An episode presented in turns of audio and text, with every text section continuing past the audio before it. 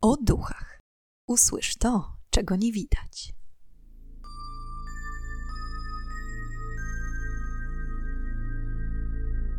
Witam i pytam, czego dusza pragnie. Strasznie miło mi gościć Was na moim kanale. W związku z tym, że dostaję od Was coraz więcej propozycji na nowe odcinki, postanowiłam, że jest to dobry moment, aby zacząć spełniać prośby moich słuchaczy. Dziś przedstawię Wam historię na pewno znaną większości z Was, ale jednocześnie historię, o którą najczęściej prosiliście w wiadomościach. Mianowicie poznamy historię prawdziwej lalki Annabel.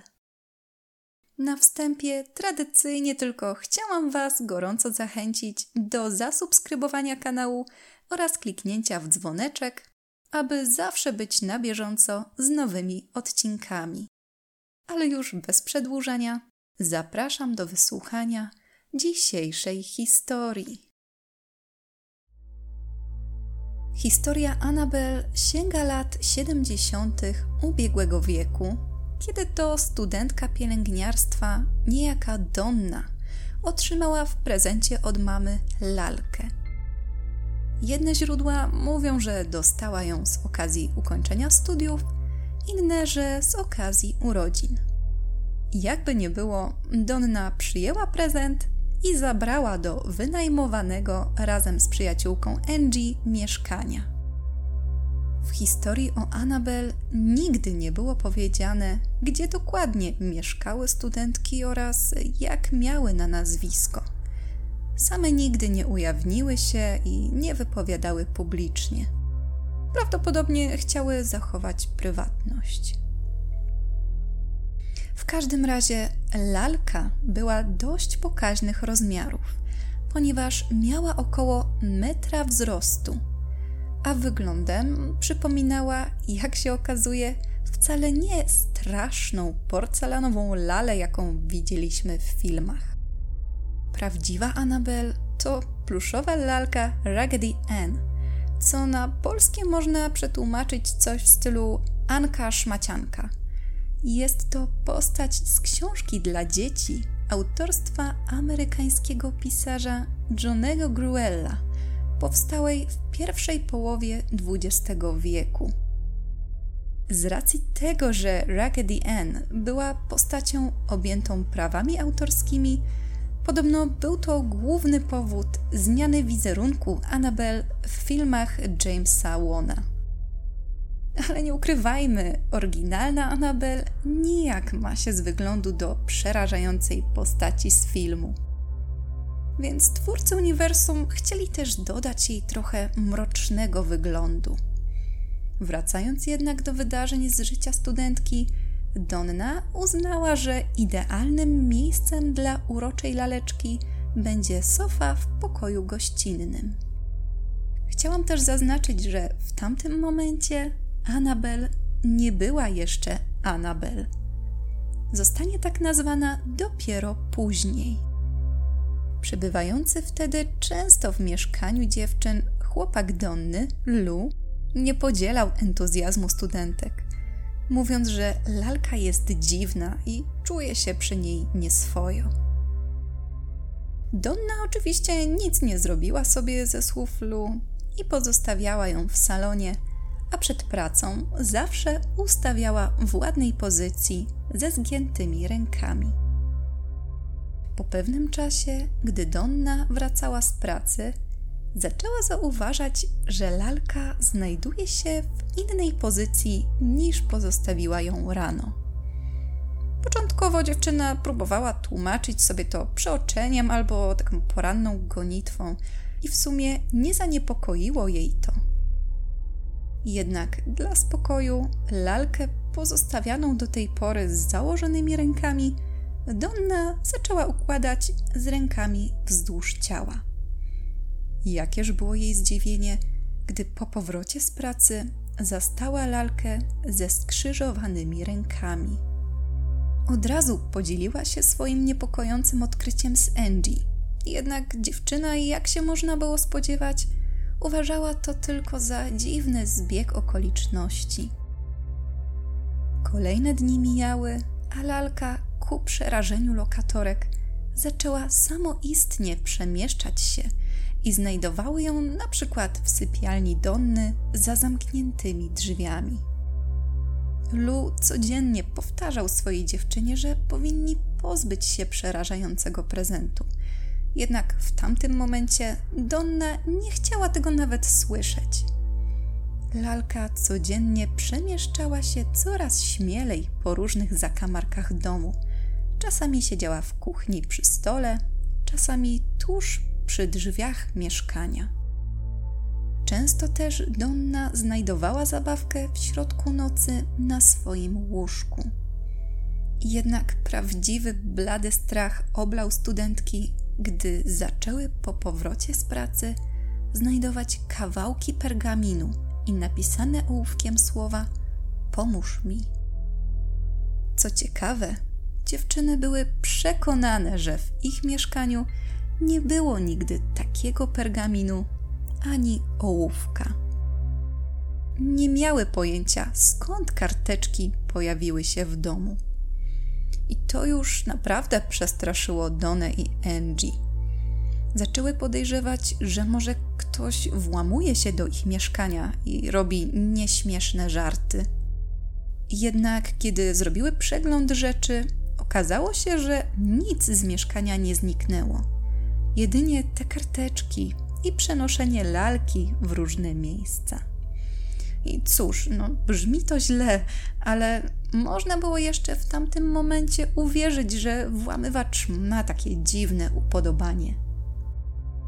Dla bezpieczeństwa dziewczyny zgłosiły nietypowe zajście na policję, a w drzwiach wymieniły zamki. Swoją drogą nie wiem, jak po takich wydarzeniach mogły spać spokojnie w domu, po którym prawdopodobnie grasował jakiś intrus. Jednak mimo podjętych działań, karteczki nie przestawały się pojawiać. Co ciekawe, niejednokrotnie zaczęły również zawierać słowa pomóż Lu, co tym bardziej niepokoiło i denerwowało chłopaka. Zaczął jeszcze bardziej namawiać Donnę na pozbycie się lalki, czego uparta dziewczyna nie chciała robić, tłumacząc, że to jest niedorzeczne, żeby lalka była powodem tych dziwnych wydarzeń. Jednak dla spokoju ducha, nie widząc innego racjonalnego wytłumaczenia całej sytuacji, studentki poprosiły o pomoc medium. Kobieta o nieznanych nikomu personaliach odwiedziła studentki i od razu przekazała informację, że w lalce znajduje się duch małej dziewczynki, Annabel Higgins, która mieszkała w tym miejscu dawno temu, zanim postawiono obecny budynek. Dziewczynka, w zależności od źródeł, zmarła w wieku 6 bądź 7 lat w wyniku morderstwa, a jej ciało pozostawiono w polach znajdujących się wtedy dokładnie pod budynkiem. Dziewczynka przekazała medium, że jest bardzo samotna i chciałaby móc pozostać w domu z Donną i Angie, ponieważ te są dla niej bardzo miłe i dzięki nim ma towarzystwo. Przekazała też, że chce być tylko kochana i prosi o pozostawienie jej w domu. Studentki poruszone historią małej Anabel pozwoliły duchowi dziewczynki wejść w lalkę, a one same obiecały traktować ją z szacunkiem, aby Anabel dobrze się z nimi mieszkało. Donna czuła się niejako w obowiązku zaopiekować się duchem dziewczynki. Podobno na znak przyjaźni nawet podarowała lalce malutką bransoletkę, którą do dziś nosi na prawej ręce. Cała historia bardzo nie podobała się Lu, który od tej pory tym bardziej optował za pozbyciem się lalki. Od wizyty medium zaczął też miewać koszmary z Anabel. Koszmary zawsze były takie same. W nocy miał widzieć, jak lalka wspina się na łóżko i zaczyna zbliżać do jego twarzy. Następnie chwyta za szyję i zaczyna dusić. Lu zawsze budził się cały zlany potem. To, co było niepokojące, to fakt, iż mimo zapewnień małej Anabel, że ma dobre intencje i chce mieć tylko towarzystwo, jej zachowania z dnia na dzień podobno miały być coraz bardziej złowieszcze. Pewnego dnia po powrocie z pracy Donna i Angie znalazły lalkę na klęczkach, co dla pluszowej zabawki było niewykonalne, aby bez niczyjej pomocy mogła być w takiej pozycji. Innym razem znalazły karteczkę z napisem Pomóż mi, jednak tym razem jej treść była zapisana krwią. Przerażone dziewczyny zadzwoniły po Lu. Gdy tylko chłopak przybył do mieszkania, w sypialni Donny usłyszeli trzask. Przekonani, że wreszcie złapią włamywacza, pobiegli do pokoju. Jednak kiedy tylko uchylili drzwi, ich oczom ukazała się Anabel leżąca na ziemi, twarzą w dół. Poza nią w pokoju nie było nikogo. Lu podszedł do zabawki, podniósł ją i zobaczył, że jej ręce i tułów były całe ubrudzone krwią. W tym też momencie Lu poczuł w klatce piersiowej piekący, rozrywający ból. Ściągnął koszulkę i zobaczył krwiste ślady zadrapań z pazurów na całym torsie. Tego było za wiele. Donna w końcu zaczęła wierzyć, że jakimś cudem ten niepozorny prezent od mamy może być powodem wszystkich wydarzeń w domu. Finalnie postanowili pozbyć się lalki. Co prawda, po dwóch dniach zadrapania z ciała Lu po prostu zniknęły, nie zostawiając żadnych śladów, ale to nie zmieniło ich decyzji. Ponadto Donna od pewnego czasu zaczęła mieć wrażenie, że obecność lalki wpływa na jej samopoczucie. Była otępiała, przygnębiona i wszystko stopniowo zaczynało ją denerwować. Studenci poprosili o pomoc miejscowego księdza Hegana, który po odwiedzeniu mieszkania oznajmił, że w tym przypadku sytuacja jest poważna i potrzebna będzie pomoc specjalistów. Wrócił do parafii i poprosił swojego przełożonego, ojca Kuka, o wsparcie. I tym oto sposobem skontaktowali się z Edem i Lorraine Warren. Para demonologów tuż po przybyciu do mieszkania od razu wyczuła obecność złych mocy. Lorraine miała wrażenie, że wokół znajduje się dziwna energia, a Ed rozpoczął wywiad z lokatorami. Dziewczyny wraz z Lu opowiedziały ze szczegółami o wszystkim, co działo się w ich domu. Zmiany pozycji Anabel, pojawianie się w różnych miejscach, karteczki z napisami, ślady krwi na jej ubraniu – po rozmowie Warrenowie szybko i jednogłośnie stwierdzili, że owa Annabel nie może być duchem zmarłej dziewczynki. Dlaczego? Ponieważ przede wszystkim duchy zmarłych nie posiadają mocy pozwalającej na wchodzenie w przedmioty, na przykład właśnie w lalki. Poza tym duch człowieka nie byłby w stanie znikąd wynaleźć karteczek z napisami oraz nie mógłby zmaterializować na sobie krwi. Duchy ludzkie jedynie są. Po prostu są i ewentualnie mogą przesuwać rzeczy i dawać w ten sposób znać o swojej obecności. Nie mogą jednak nimi zawładnąć. Ku przerażeniu studentów, Warrenowie oznajmili, że w Annabel znajduje się demon. Wskazywały na to wszystkie opisane przez nich zdarzenia: teleportacja, materializacja i znak bestii wydrapany na klatce piersiowej Lu. Gdy demonowi poprzez historyjkę o malutkiej, smutnej Annabel udało się zyskać zaufanie oraz współczucie dziewczyn, mógł rozpocząć realizowanie swojego diabolicznego planu. Planu, jakim było opętanie Donny, ponieważ celem demonów są ludzie i ich dusze, którymi chcą władać. I to również się potwierdziło.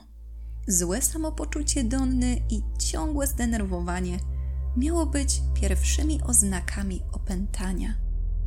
Warrenowie stwierdzili, że nie ma co czekać i należy odprawić egzorcyzm celem uwięzienia demona w lalce i oczyszczenia mieszkania. I nie wiem, czy jeszcze tego samego dnia, czy niedługo później, ojciec Cook w towarzystwie Warrenów przeprowadził długi i wyczerpujący egzorcyzm, na szczęście zakończony powodzeniem. Warrenowie przekazali dziewczynie informację, że gdyby zwlekała z pomocą jeszcze ze dwa, trzy tygodnie, mogłoby się to dla nich skończyć tragicznie. Anabel opętałaby Donnę i zrobiła krzywdę współlokatorom i sobie samej. Z tego co wiadomo, Donna, Angie i Lou od tamtej pory nie doświadczyli już obecności żadnej nadprzyrodzonej siły i nic więcej nie wiadomo na ich temat. Po wszystkim małżeństwo postanowiło zabrać lalkę ze sobą do swojego domu. Lorraine po wrzuceniu Annabel do samochodu poprosiła Eda, aby za nic nie jechali autostradą, ponieważ lalka może przejąć władzę nad pojazdem i przy dużej prędkości spowodować wypadek. Postanowili więc jechać naokoło, co mimo wszystko było ryzykownym posunięciem. Podczas podróży hamulce miały kilka razy się zaciąć, jednak kiedy tylko zdenerwowany Ed wyciągnął z torby wodę święconą i pokropił lalkę, kłopoty ustały i udało im się szczęśliwie dojechać do domu. Najpierw postawili Anabel w gabinecie Eda. Jednak wieczne zmiany położenia lalki zmusiły ich do podjęcia poważniejszych kroków. W związku z tym, że Annabel non-stop sama przemieszczała się po domu, a raz nawet pozostawiona w małym domku gościnnym służącym za pracownię Warrenów, znajdującym się na drugim końcu działki, zamknięta na klucz od zewnątrz, Annabel i tak jakimś sposobem wydostała się i wróciła do salonu w domu. Ed i Lorraine postanowili więc zamknąć lalkę w swojej piwnicy, która dziś funkcjonuje jako Muzeum Okultystyczne Warrenów w Connecticut. Annabel posadzono w szklano-drewnianej gablocie, w której wyryty jest tytuł modlitwy Ojcze Nasz. Gablota, tak jak i sama Annabel, w rzeczywistości wygląda inaczej niż w filmach, ponieważ jest w większości wykonana z drewna. Na drzwiczkach przypięta jest karta tarota, a w środku porozkładano krzyże. Na dole widnieje napis: Zdecydowanie nie otwierać. Od czasu zamknięcia Anabel w gablocie nie poruszyła się ona ani o centymetr. Cała piwnica jest do dziś systematycznie odwiedzana i błogosławiona przez księdza, aby złe moce uwięzione w Anabel i innych artefaktach nigdy nie opuściły pomieszczenia. Jednak pomimo pilnowania lalki, Warrenowie przyznali, że Anabel jest przyczyną wielu dziwnych i niewyjaśnionych zdarzeń, a nawet odpowiada za dwa wypadki, w tym i jeden ze skutkiem śmiertelnym. Mianowicie, młody motocyklista, odwiedzając muzeum wraz ze swoją dziewczyną, pomimo ostrzeżeń, jakie zawsze otrzymują goście, kiedyś od samych Warrenów, teraz od córki Judy i jej męża Tonego Sperry, o traktowaniu lalki z szacunkiem, zaczął drwić z Annabel, mówiąc, że skoro jest taka straszna i demoniczna, to niech to udowodni, niech wyjdzie z gablotki i go zrani, bo tylko siedzi i się głupio śmieje, czy coś w tym stylu. Zaczął stukać w szybę i ewidentnie prowokować demona. Po wizycie w muzeum wsiadł z dziewczyną na motocykl i ruszył w stronę domu, do którego niestety nigdy nie wrócił. Zginął na miejscu w wypadku, prawdopodobnie uderzając w drzewo, po tym jak stracił panowanie nad pojazdem. Dziewczyna motocyklisty przeżyła, ale w ciężkim stanie trafiła do szpitala, po czym przez pół roku dochodziła do zdrowia. Później miała przyznać, że całą drogę powrotną naśmiewali się z ich zdaniem naiwnych ludzi wierzących w te brednie. Drugim wypadkiem, o który obwinia się Anabel, jest wypadek, w którym uczestniczył pewien ksiądz egzorcysta z Bradford. On również odwiedził Muzeum Warrenów. Jednak był na tyle odważny, a zarazem nierozsądny, że ku przerażeniu Warrenów wyciągnął Anabel z gabloty, rzucił nią o ścianę i wykrzyczał, że żadna siła nie jest potężniejsza od Boga, a ona jest tylko szmacianą lalką bez żadnej mocy.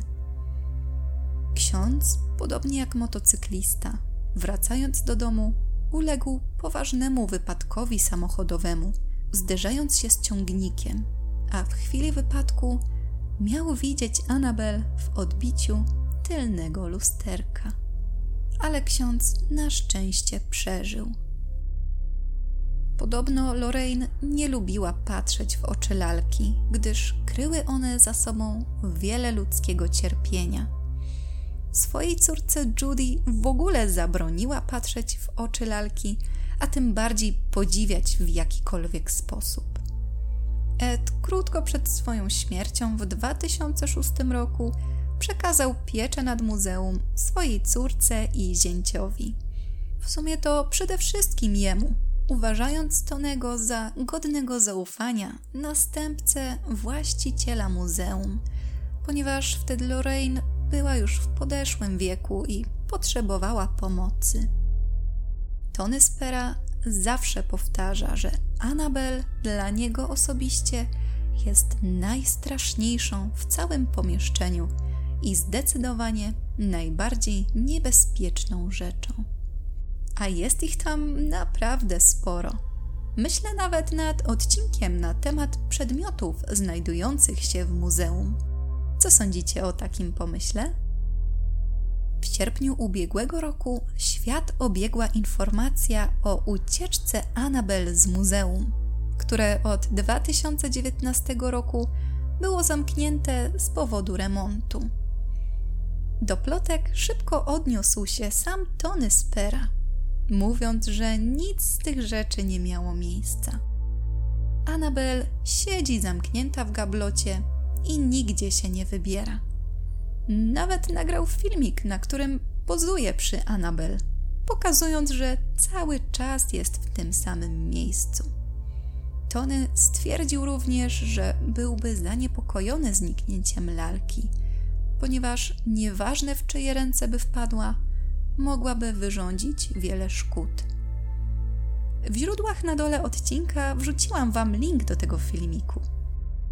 Z ciekawostek jeszcze wyczytałam, że podobno kiedyś Tony dostał propozycję od sprzedania Annabel za milion dolarów, którą jednak odrzucił, mówiąc, że byłoby to skrajnie nieodpowiedzialne zachowanie.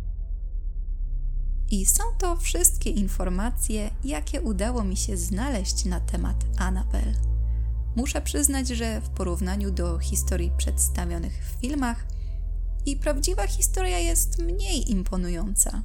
Ale co też nie znaczy, że to źle, bo w filmach wiele osób ucierpiało przez jej demoniczne zachowania. Dajcie znać, co wy sądzicie na temat prawdziwej Anabel i czy pomysł z odcinkiem na temat Muzeum Warrenów by Wam się spodobał. Jeśli słuchacie mnie na Spotify, byłoby mi niezmiernie miło, gdybyście udostępnili ten odcinek. Dziękuję za wszystkie suby, łapki i komentarze. A już teraz zapraszam Was na kolejny odcinek podcastu o duchach, w którym ponownie zadamy pytanie, czego tym razem dusza zapragnie. Do usłyszenia